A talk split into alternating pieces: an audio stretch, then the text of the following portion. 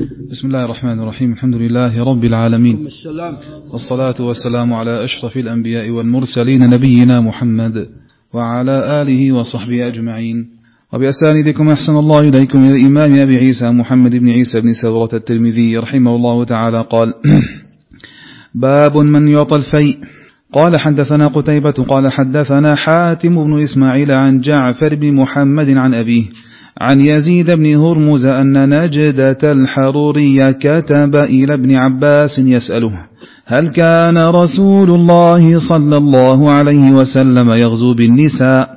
وهل كان يضرب لهن بسهم؟ فكتب إليه ابن عباس رضي الله عنهما كتبت إلي تسألني هل كان رسول الله صلى الله عليه وسلم يغزو بالنساء؟ وكان يغزو بهن فيداوين المرضى ويحذين من الغنيمة. وأما سهم فلم يضرب لهن بسهم فلم يضرب لهن بسهم. قال وفي الباب عن أنس وأم عطية وهذا حديث حسن صحيح. والعمل على هذا عند أكثر أهل العلم وهو قول سفيان الثوري والشافعي. وقال بعضهم يسهم للمرأة والصبي وهو قول الأوزاعي. قال الأوزاعي وأسهم النبي صلى الله عليه وسلم للصبيان بخيبر. وأسهمت أئمة المسلمين لكل مولود ولد في أرض الحرب. قال الأوزاعي وأسهم النبي صلى الله عليه وسلم للنساء بخيبر وأخذ بذلك المسلمون بعده. قال حدثنا بذلك علي بن خشرم قال أخبرنا عيسى بن يونس عن الأوزاعي بهذا. ومعنى قولي ويحذين من الغنيمة يقول يرضخ لهن بشيء من الغنيمة يعطين شيئا.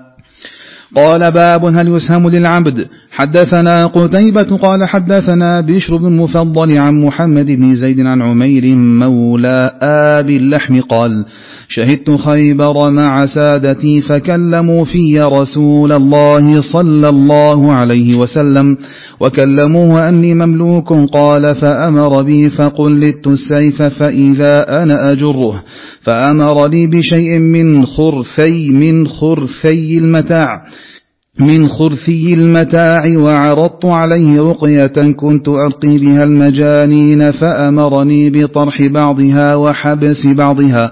قال وفي الباب عن ابن عباس وهذا حديث حسن صحيح والعمل على هذا عند بعض أهل العلم أن ألا يسهم للمملوك ولكن يرضخ له بشيء وهو قول الثوري والشافعي وأحمد وإسحاق. قال باب ما جاء في أهل الذمة يغزون مع المسلمين هل يسهم لهم؟ قال حدثنا الأنصاري قال حدثنا معن قال حدثنا مالك بن أنس عن الفضيل بن أبي عبد الله عن عبد الله بن نيار الأسلمي عن عروة عن عائشة رضي الله عنها وعن أبيها أن رسول الله صلى الله عليه وسلم خرج إلى بدر حتى إذا كان بحرة الوبر لحقه رجل من المشركين يذكر منه جرأة ونجدة فقال لهن النبي صلى الله عليه وسلم تؤمن بالله ورسوله؟ قال لا. قال ارجع فلن أستعين بمشرك. وفي الحديث كلام أكثر من هذا. قال هذا حديث حسن غريب. والعمل على هذا عند بعض أهل العلم. قالوا لا يسهم لأهل الذمة وإن قاتلوا مع المسلمين العدو. ورأى بعض أهل العلم أن يسهم لهم إذا شهدوا القتال مع المسلمين. ويروى عن الزهري أن النبي صلى الله عليه وسلم أسهم لقوم من اليهود. قاتلوا معه. قال حدثنا بذلك قتيبة بن سعيد قال حدثنا عبد الوارث بن سعيد عن عز عن عزرة بن ثابت عن الزهري بهذا. قال حدثنا أبو سعيد الأشج قال حدثنا حفص بن غياث بن غياث قال حدثنا حفص بن غياث قال حدثنا بريد وهو ابن عبد الله بن أبي بردة عن جده أبي بردة عن أبي موسى رضي الله عنه قال قدمت على رسول الله صلى الله عليه وسلم في نفر من الأشعريين خيبر فأسهم لنا مع الذين افتتحوها. قال هذا حديث حسن صحيح غريب والعمل على هذا عند بعض أهل العلم. قال الأوزاعي من لحق بالمسلمين قبل أن يسهم للخير أسهم له. نعم أحسن بسم الله الرحمن الرحيم. وبه نستعين نحمده سبحانه وتعالى ونشكره ونسأله الزيادة من فضله ومن جوده ومن إحسانه ومن خيره. ونصلي ونسلم على نبينا محمد وعلى آله وأصحابه والتابعين لهم بإحسان إلى يوم الدين. اللهم لا علم لنا إلا ما علمتنا إنك أنت العليم الحكيم. قال أبو عيسى الترمذي في كتابه الجامع باب من يعطى الفيء. نعم. والفيء هو ما غنمه المسلمون من الكفار وما أخذه المسلمون من الكفار. وهذا إما أن يكون بقتال وإما أن لا يكون بقتال. نعم. فإن لم يكن بقتال فهذا لله ولرسوله. وأما إذا كان بقتال فبين الله عز وجل مصارف الفي وما أفاء الله على رسوله من أهل القرى فماذا؟ فلله ولرسول ولذي القربى واليتامى والمساكن وابن السبيل كي لا يكون دولة بين الأغنياء منكم.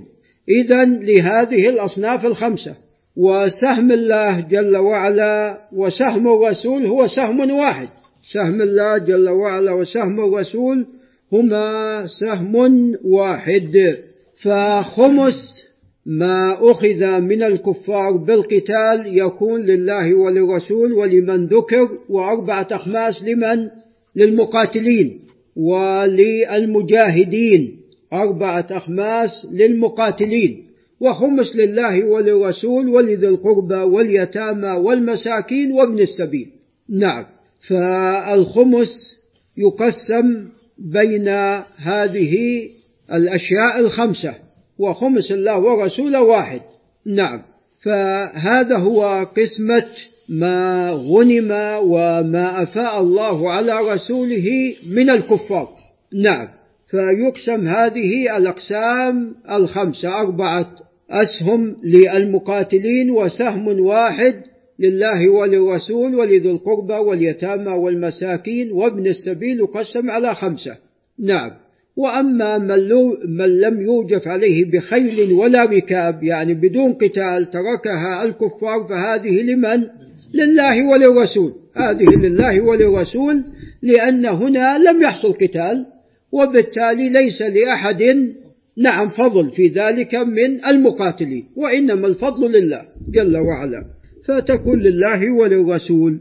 وما كان لرسول الله صلى الله عليه وسلم كان يرده أيضا على من؟ على المسلمين.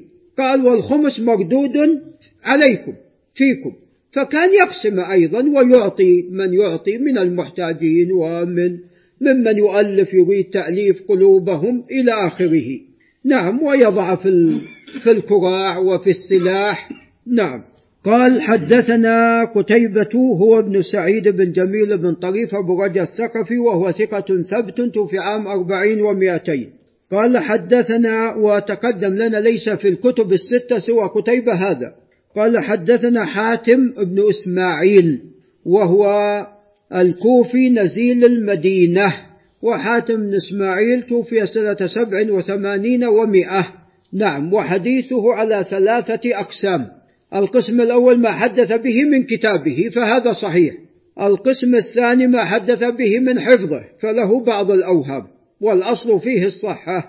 القسم الثالث ما حدث به عن جعفر بن محمد. فقد تكلم علي بن المديني فيما رواه عن جعفر بن محمد. قال علي بن المديني أسند أحاديث مراسيل عن جعفر بن محمد. أسند أحاديث مراسيل. يعني كانت هذه الأحاديث مرسلة فرواها حاتم ابن إسماعيل فجعلها ماذا؟ نعم مسندة وصلها. جعلها مسندة ووصلها نعم. وهذا القسم ليس على إطلاقه بحيث يرد لا. ولا يعني علي بن المديني ذلك أيضا. وإنما علي بن المديني يريد أن ينبهنا أن هناك حديثية في الأصل مرسلة أخطأ حاتم فماذا؟ فوصلها. أخطأ حاتم بن إسماعيل فوصلها. نعم. ولذا الإمام مسلم احتج به في حديث جابر الطويل حديث الحج رواه من طريق حاتم بن إسماعيل عن جعفر بن محمد بن علي بن الحسين بن علي بن أبي طالب رضي الله عنهم. عن أبيه محمد بن علي المعروف بالباقر عن جابر بن عبد الله وساق حديث الحج الطويل. نعم. وقد توبع حاتم بن إسماعيل على أصل الحديث. توبع حاتم بن إسماعيل على أصل الحديث فهذا الحديث صحيح. والأصل فيما رواه أيضا عن جعفر بن محمد أيضا الأصل الاستقامة حتى يتبين ماذا؟ خلاف ذلك. وذلك بأن يروي بعض الثقات عن جعفر فيخالف من؟ فيخالف حاتم بن إسماعيل فيرسل الخبر وحاتم يصله. فنقول هنا أن علي بن المديني قد قال أن هناك حديث مرسلة وصلها. حاتم بن إسماعيل. وانظروا إلى دقة علي بن المديني. لم يتكلم فيه مطلقا وإنما تكلم به في شيء نعم معين وهو في روايته عن جعفر بن محمد. ثم بين لعل الشيخ أبو يحيى ينتبه ثم بين وجه الانتقاد فيما رواه عن جعفر بن محمد. وهو أن هذه الأحاديث قد تكون مرسلة فوصلها. ترى الخطأ كما بين الإمام مسلم كما هو الواقع. بين مسلم في مقدمة التمييز. الخطأ إما أن يكون في المتن وإما أن يكون في الإسناد. ثم بين أن الخطأ على قسمين. خطأ شديد وخطأ خفيف. وأنا بينت أن الخطأ على ثلاثة أقسام. وهي ما تخرج عن قسم في شرح التمييز قديما. بينت ثلاثة أقسام. في الإسناد ثلاثة أقسام وفي المتن الخطأ ثلاثة أقسام. وبادئ ذي بدء أن الخطأ في المتن أشد من الخطأ في الإسناد. هذه قاعدة. الخطأ في المتن أشد من هذا من حيث الجملة. الخطأ في المتن أشد من الخطأ في الإسناد.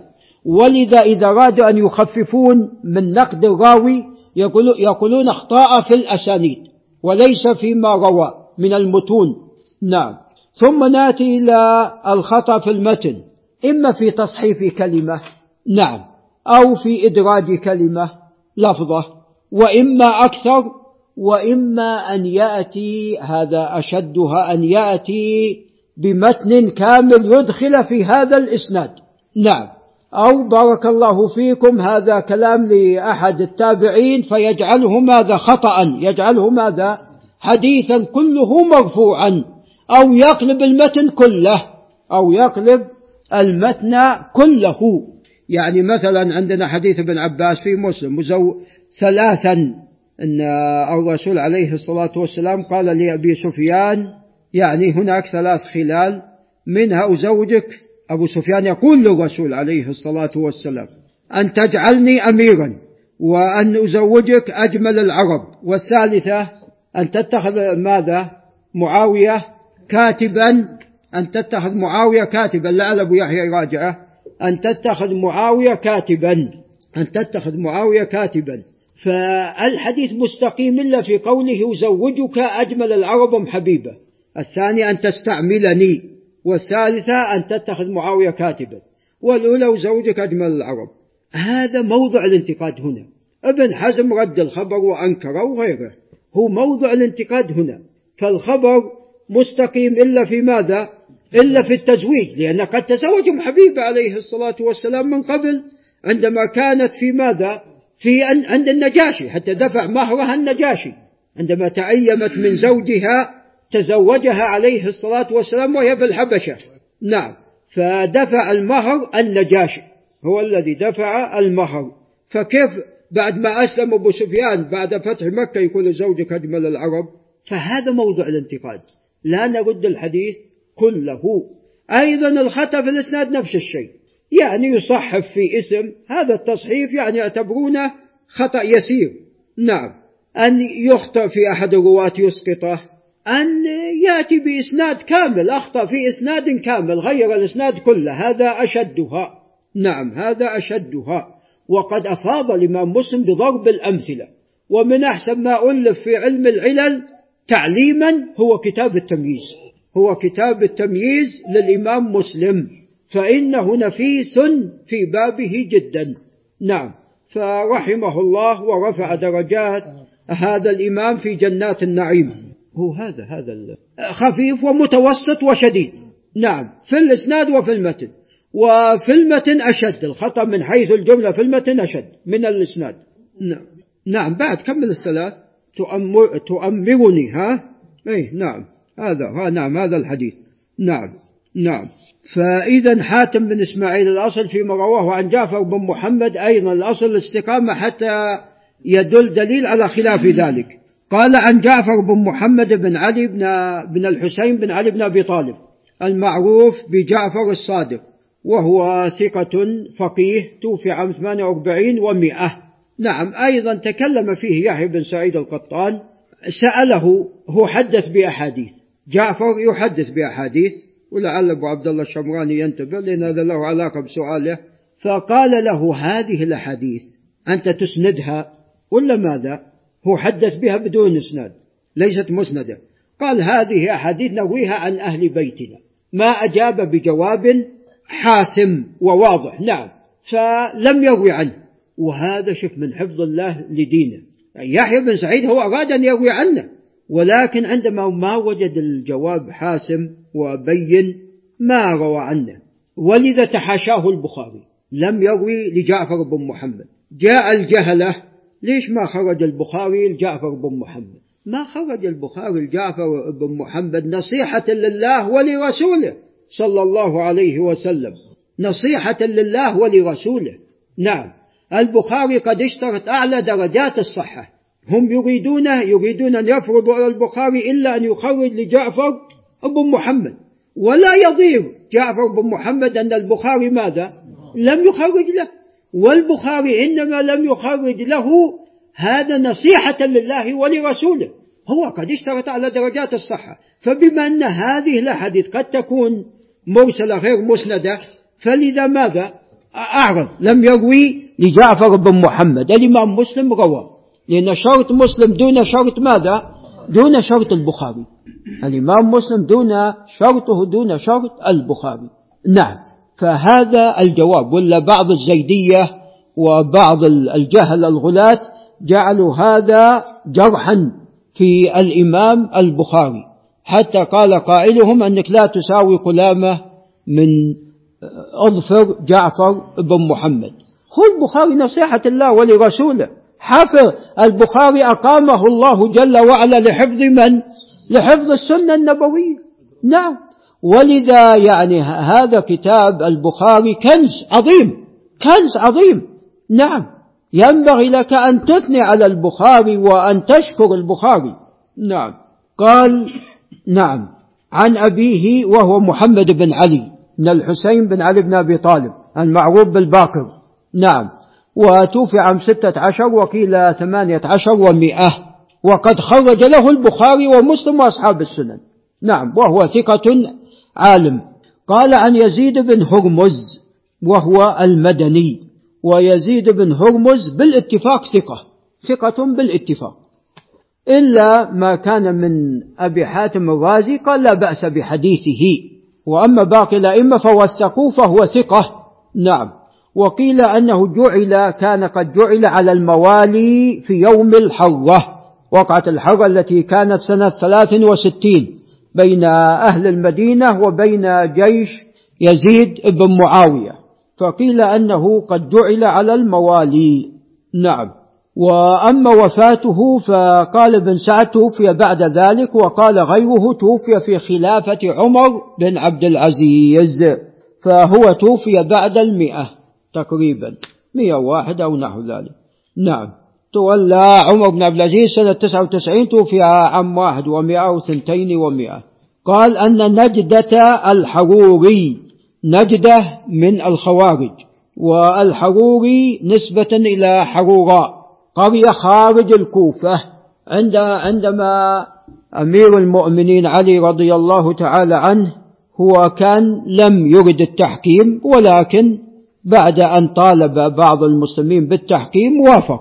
فخرج بعض جيش علي رضي الله عنه خرجوا عليه واعتزلوا بقية المسلمين وانحازوا إلى هذه القرية حرورا. فسموا بماذا؟ بالحرورية نسبة إلى هذه القرية. وهذا بداية خروج الخوارج. نعم. ثم بعد ذلك قال ابن عباس أنا أريد أن أذهب إليهم. استأذن علي فأذن له. كانوا ستة آلاف. فتناظر معهم ابن عباس فغلبهم. فرجع أربعة آلاف من الستة. وبقي ألفان. ثم حصل بينهم وبين علي رضي الله عنه وقعة ماذا؟ النهروان. وقعة النهروان. نعم وقد قتل منهم جمع كبير وكان منهم ذو الثدية. وقد أخبر علي رضي الله عنه أن الرسول عليه الصلاة والسلام قال إن علامة هؤلاء رجل يده كحلمة ماذا؟ كثدي المرأة في نهايته مثل حلما مثل ثدي المرأة. فأراد علي أن يكشف عن هذا الشخص فأرسل من يكشف له فما وجدوا فجاء بنفسه فوجد كومة من المقتولين منهم. قالوا ارفعوا هؤلاء فوجدوه ماذا؟ تحتهم وجدوه تحتهم. فقام عبيد السلماني وما أدراك ما عبيده. كان شريح القاضي يسأله قال آه الله أنت سمعت هذا الحديث من رسول الله عليه الصلاة والسلام؟ قال آه الله سمعت هذا الحديث من رسول الله صلى الله عليه وسلم. يستحلف ثلاث مرات وهو يحلف له رضي الله تعالى عنه. نعم. فهذا نجده كتب إلى ابن عباس يسأله هل كان رسول الله صلى الله عليه وسلم يغزو بالنساء. طبعا نجد آه، ابن عباس أراد أن لا يجيبه. لكنه رأى أن من المصلحة ماذا؟ إجابته. فقال هل كان رسول الله صلى الله عليه وسلم يغزو بالنساء؟ وهل كان يضرب لهن بسهم؟ فكتب إليه ابن عباس كتبت إلي تسألني هل كان رسول الله صلى الله عليه وسلم يغزو بالنساء؟ وكان يغزو بهن. فكن بعض النسوة يخرجن مع رسول الله صلى الله عليه وسلم. ومنهن أم سليم زوج أبي طلحة الأنصاري.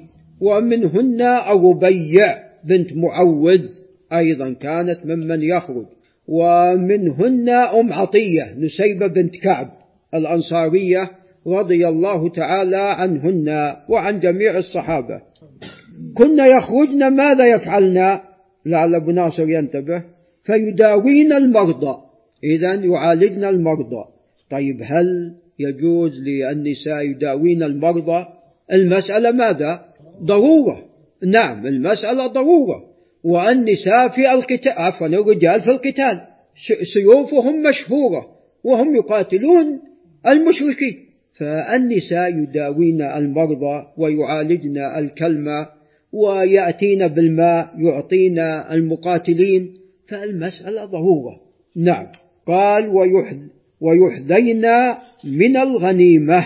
إذا يعطون من الغنيمة. وأما سهم فلم يضرب لهن بسهم. إذا المرأة لا يضرب لها بسهم. لأنها ماذا؟ لا تقاتل. نعم لا تقاتل. نعم. ولذا ماذا؟ نعم. يقول الشاعر كتب القتل والقتال علينا وعلى الغانيات جو الذيول. نعم. فالمرأة لا تقاتل. فإدخال النساء في الجيوش هذا لا يجوز وأن تعامل معاملة الرجال هذا لا يجوز. وهل هناك جيش في العالم كله نساء؟ مستحيل لأن لو جعل لعل أبو إسماعيل ينتبه لو جعل الجيش كله من النساء أو أكثر من النساء أو نصف من النساء فبشره بالهزيمة. نعم بشره بالهزيمة. نعم.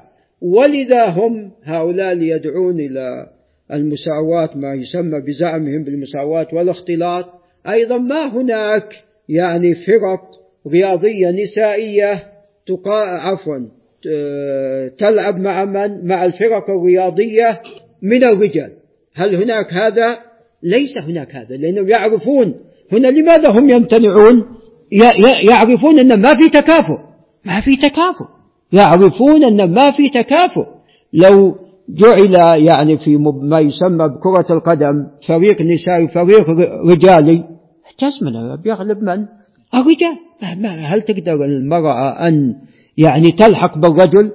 ما يمكن أن تلحق بالرجل. نعم.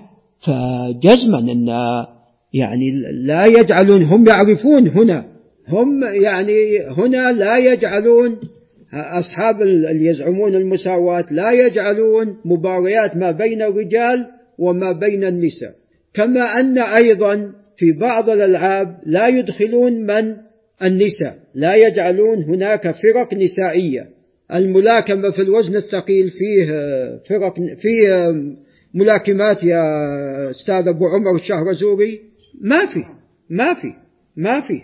لأن يعرفون أن المرأة لا تقدر على ذلك. المرأة لا تقدر على ذلك. نعم.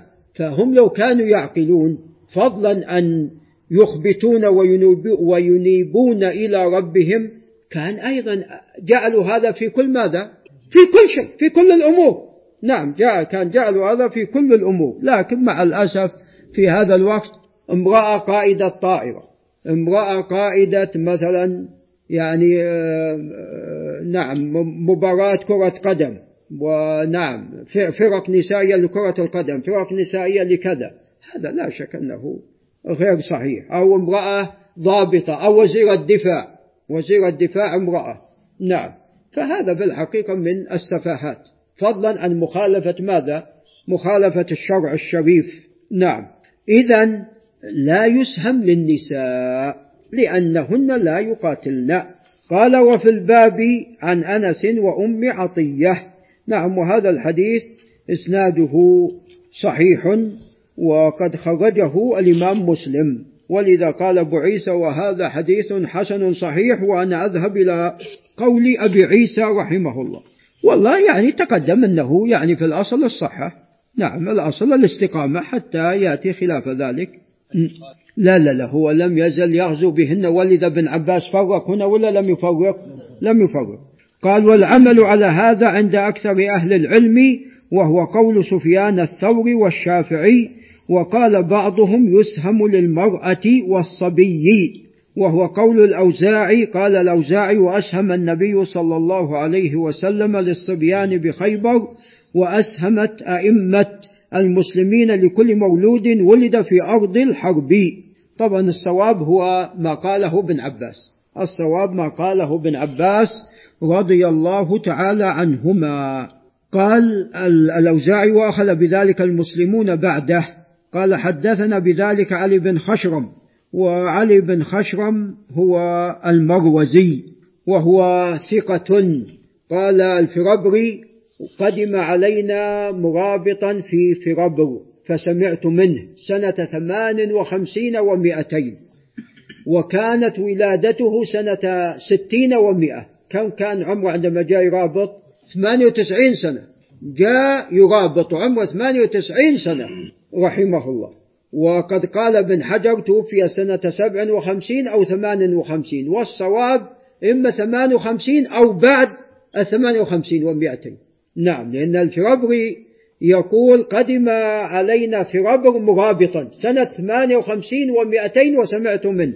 وقد اختلف هل البخاري علق له أو لا لأن هذه هذا الإسناد هل اختلف هل هو من البخاري؟ قال حدثنا علي بن خشرم ولا الفربري يقول حدثنا علي بن خشرم. نعم. نعم هذا ما يتعلق بعلي بن خشرم وتقدم لنا قصة قتيبة بن سعيد. قتيبة بن سعيد رأى فيما يرى النائم أنه أن هناك درج سلم والناس يصعدون فجاء يصعد فمنعوه. قال أنا يعني أحدث عن رسول الله عليه الصلاة والسلام وكذا وكذا يعني طلبت العلم وأحدث وكذا قالوا لا لم ترابط أو لم تجاهد. فجاء ورابط وعمره كان كبيرا وعندما رابط الظاهر جاء غلامه ماسك له الفرس يقود به. ويبدو إنه ما نزل ذيك الليلة جالس على الفرس ختم القرآن. نعم ختم القرآن وصلى الفجر ورجع به غلامه. يعني شوف الهمة. نعم. فجالس طول الليل هو يقرأ في عبادة عبادة القراءة والصلاة وعبادة المرابطة وعبادة الرباط. والله هذا الغنيمة يا أيها الإخوان. نسأل الله من فضله. نعم. قال حدثنا بذلك علي بن خشرم قال أخبرنا عيسى بن يونس وهو ابن أبي إسحاق السبيعي وهو ثقة جليل كان من أهل العلم. توفي سنة سبع وثمانين ومائة أو ثمان وثمانين ومائة قال عن الأوزاعي بهذا وهو عبد الرحمن بن عمرو الأوزاعي. أبو عمرو وهو إمام جليل إمام أهل الشام. توفي عام سبع وخمسين ومائة قال أبو العباس بن تيمية ما دخل الشام بعد الأوزاعي أفقه من الشيخ الموفق يعني ابن قدامة. قال ومعنى قوله ويحذين من الغنيمة يقول يرضخ لهن بشيء من الغنيمة يعطين شيئا ولا يسهم لهن. ما ذكر الأوزاعي وإنما أرسل. قال أسهم النبي صلى الله عليه وسلم للصبيان بخيبر وأسهم أئمة المسلمين. نعم قول ابن عباس هو الصحيح. وأحيانا قد يعطي الرسول عليه الصلاة والسلام من الغنيمة ويشرك ناس في الغنيمة وإن كان لم يقاتلوا. نعم وهذا كما سوف يأتينا في قصة أبي موسى الأشعري. وأيضا أسهم لأبي هريرة أشرك في الغنيمة. هذا ليس على سبيل ماذا؟ هذا ليس على سبيل يعني الفرض إن يعطون وإنما على سبيل الفضل. لأنهم لم لم يشهدوا القتال وإنما على سبيل الفضل يعطون ويشركون نعم. والله قد يكون من هذا وقد يكون يشركون من باب الفضل.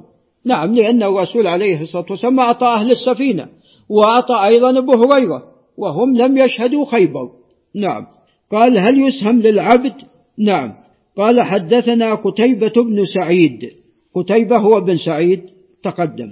توفي عام 40 و200 قال حدثنا بشر بن المفضل. حدثنا بشر بشر بن المفضل الرقاش البصري وهو ثقة ثبت توفي سنة ست وثمانين ومائة كذا نعم. خرج له الجماعة. قال عن محمد بن زيد وهو ابن المهاجر بن قنفذ التيمي القرش التيمي وهو ثقة كما قال الجمهور. قال عن عمير مولى آبي اللحم. عمير صحابي وآبي اللحم أيضا صحابي. والحديث هنا عن عمير لا عن آبي اللحم. وسمي بآبي اللحم لأنه يقولون حرم اللحم على نفسه في الجاهلية. قال عمير شهدت خيبر مع سادتي فهو مولى. فكلموه فكلموا في رسول الله صلى الله عليه وسلم. وكلموا أني مملوك. قال فأمر بي فقلدت السيف فإذا أنا أجره فيبدو أنه ما كان كبير ولا طويل. فأمر لي بشيء من خرسي المتاع يعني من سقط المتاع. وعرضت عليه رقية كنت ألقي بها المجانين. فأمرني بطرح بعضها وحبس بعضها. ما كان من الرقية صحيحا فهو ماذا؟ جائز وما لم يكن صحيحا فهو باطل ممنوع. ولذا لا بأس بالرقى ما لم تكن شوكا. اعرضوا علي رقاكم لا بأس بالرقى ما لم تكن شوكا. قال وفي الباب عن ابن عباس تقدم حديث ابن عباس. قال وهذا حديث حسن صحيح. نعم هذا إسناد أن أذهب إلى قول أبي عيسى الترمذي. نعم. ومحمد بن زيد بن المهاجر قد عمر قال أبو عيسى والعمل على هذا عند بعض أهل العلم أن لا يسهم للمملوك ولكن يرضخ له بشيء وهو قول الثوري والشافعي وأحمد وإسحاق. نعم. قال باب ما جاء في أهل الذمة يغزون مع المسلمين هل يسهم لهم؟ نعم طبعا أهل الذمة هم الكفار والكفار أنواع. عندنا كفار محاربون. هؤلاء يقاتلون ويقتلون. وعندنا كفار مستأمنون.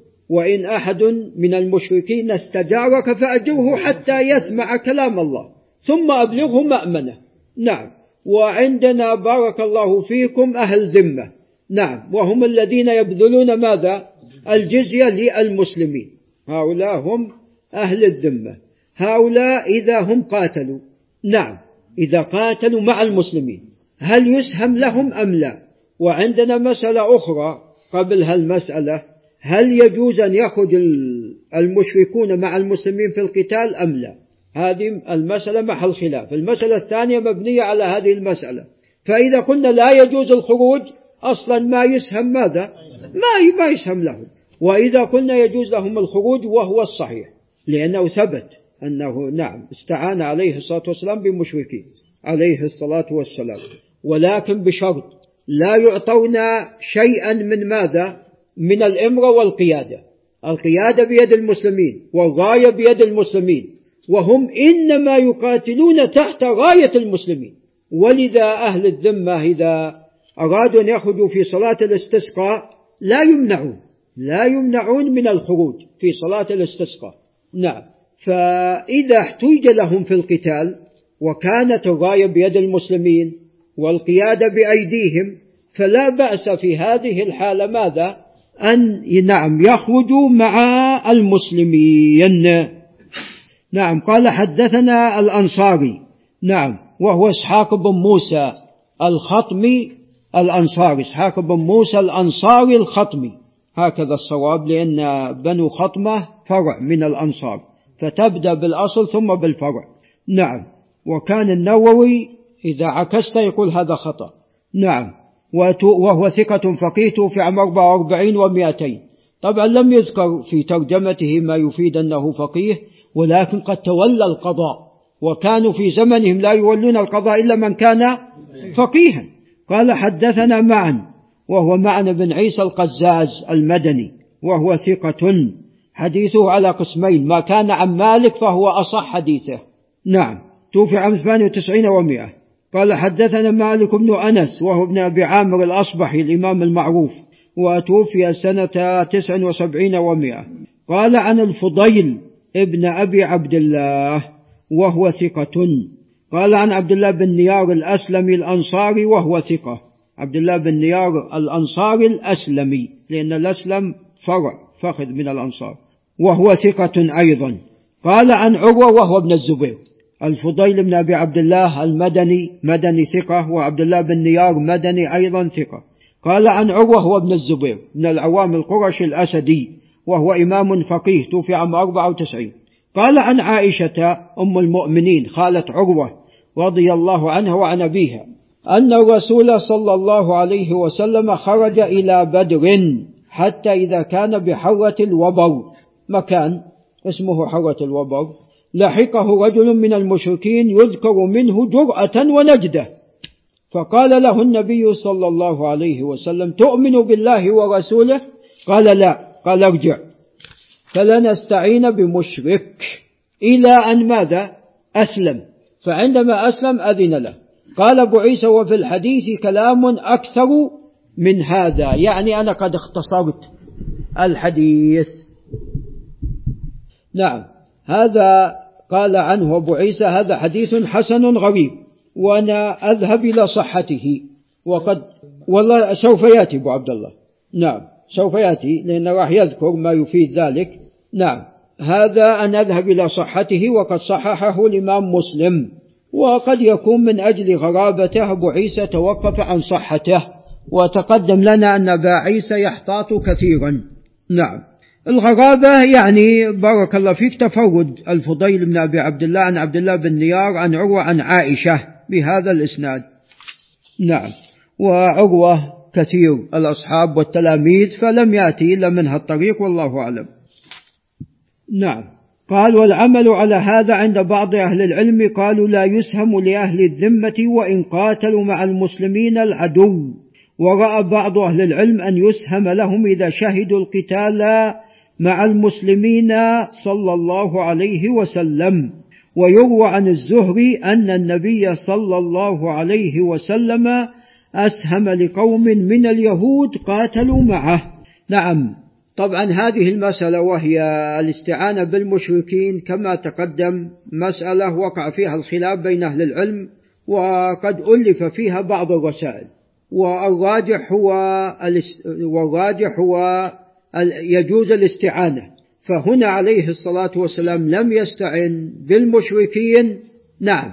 يعني قد يكون هنا رأى لمصلحة ولا حاجة إليهم ولعل هذا الشخص ماذا؟ يسلم. عندما يقول لا لا لن أستعين بمشرك. مرة ثانية ثالثة ماذا؟ أسلم. في المرة الثالثة أسلم. نعم.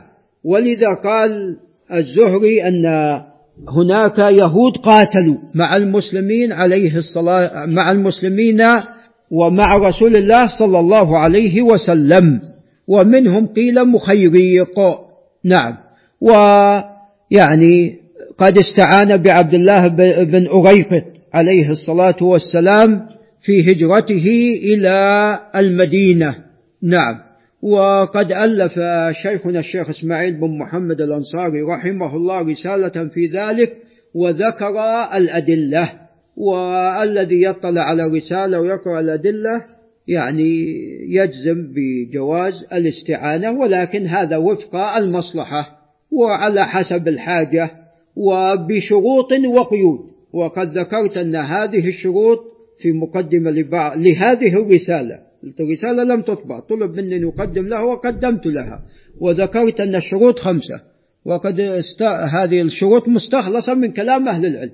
وهي خمسة شروط ومنها بعض ما تقدم ذكره. يعني يرجع في ذلك للمصلحة يرجع في ذلك للحاجة لا تكن لهم القيادة. نعم. وإنما القيادة والراية بأيدي المسلمين. فهناك خمسة شروط تشترط في ذلك. نعم. قال حدثنا أبو سعيد الأشج وهو عبد الله بن سعيد. أبو سعيد الأشج وهو ثقة جليل كوفي. نعم. طيب نقرأ أسناد الزهري. قال حدثنا بذلك قتيبة بن سعيد. الثقفي تقدم. قال حدثنا عبد الوارث بن سعيد العنبري التنوري البصري وهو ثقة ثبت توفي عام ثمانين ومئة قال عن عزر بن ثابت. وهو ابن أبي زيد بن أخطب الأنصاري وهو ثقة. قال عن الزهري بهذا حمك الله. نعم وهذا إسناد صحيح إلى الزهري. قال حدثنا أبو سعيد الأشج عبد الله بن سعيد.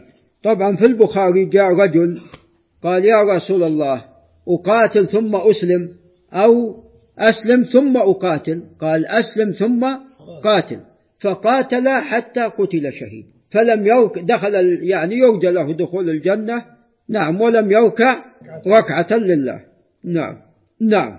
قال حدثنا حفص بن غياث وهو النخعي الكوفي وهو ثقة جليل توفي عام 94 ومئة وحديثه على قسمين أو على ثلاثة.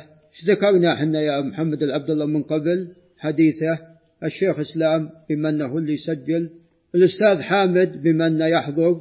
نعم أحسنت. هذا خلاصة حديثه. ما حدث من كتابه فهو ثقة ثبت. ما حدث من حفظه قبل أن يتولى القضاء. فهذا أصح مما حدث به بعد أن تولى القضاء. والأصل حتى فيما حدث به بعد أن تولى القضاء الأصل فيه الصحة.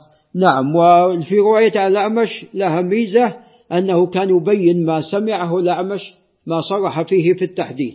وأثنى عليه علي بن المديني في ذلك. قال حدثنا بريد وهو بن عبد الله بن أبي بردة بن أبي موسى الأشعري وهو ثقة خرج له الجماعة. قال عن جده أبو بردة بن أبي موسى الأشعري وهو ثقة من التابعين من الطبقة الثالثة منهم. قال عن أبي موسى وهو عبد الله بن قيس الأشعري وأبو موسى تعلمون أن الرسول عليه الصلاة والسلام قال لقد أوتي مزمارا من مزامير آل داود وقيل أن بلد الأشعريين هو زبيد. نعم.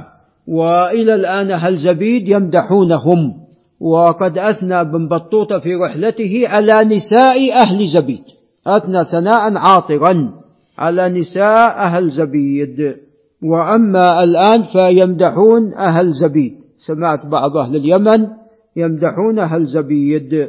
نعم. وأبو موسى توفي عام 44 رضي الله عنه. قال قدمت على رسول الله صلى الله عليه وسلم في نفر من الأشعريين خيبر وقد وقعت في بداية السنة السابعة فأسهم لنا مع الذين افتتحوها. يعني هو لم يقاتل. جاءوا بعد ماذا؟ بعد نعم بعد الفتح. فقال فأسهم لنا مع الذين افتتحوها ونفس الشيء أيضا أبو هريرة. رضي الله عنه. قال أبو عيسى هذا حديث حسن صحيح غريب. نعم. ونذهب إلى ما ذهب إليه أبو عيسى من صحته وقد أخرجه مسلم.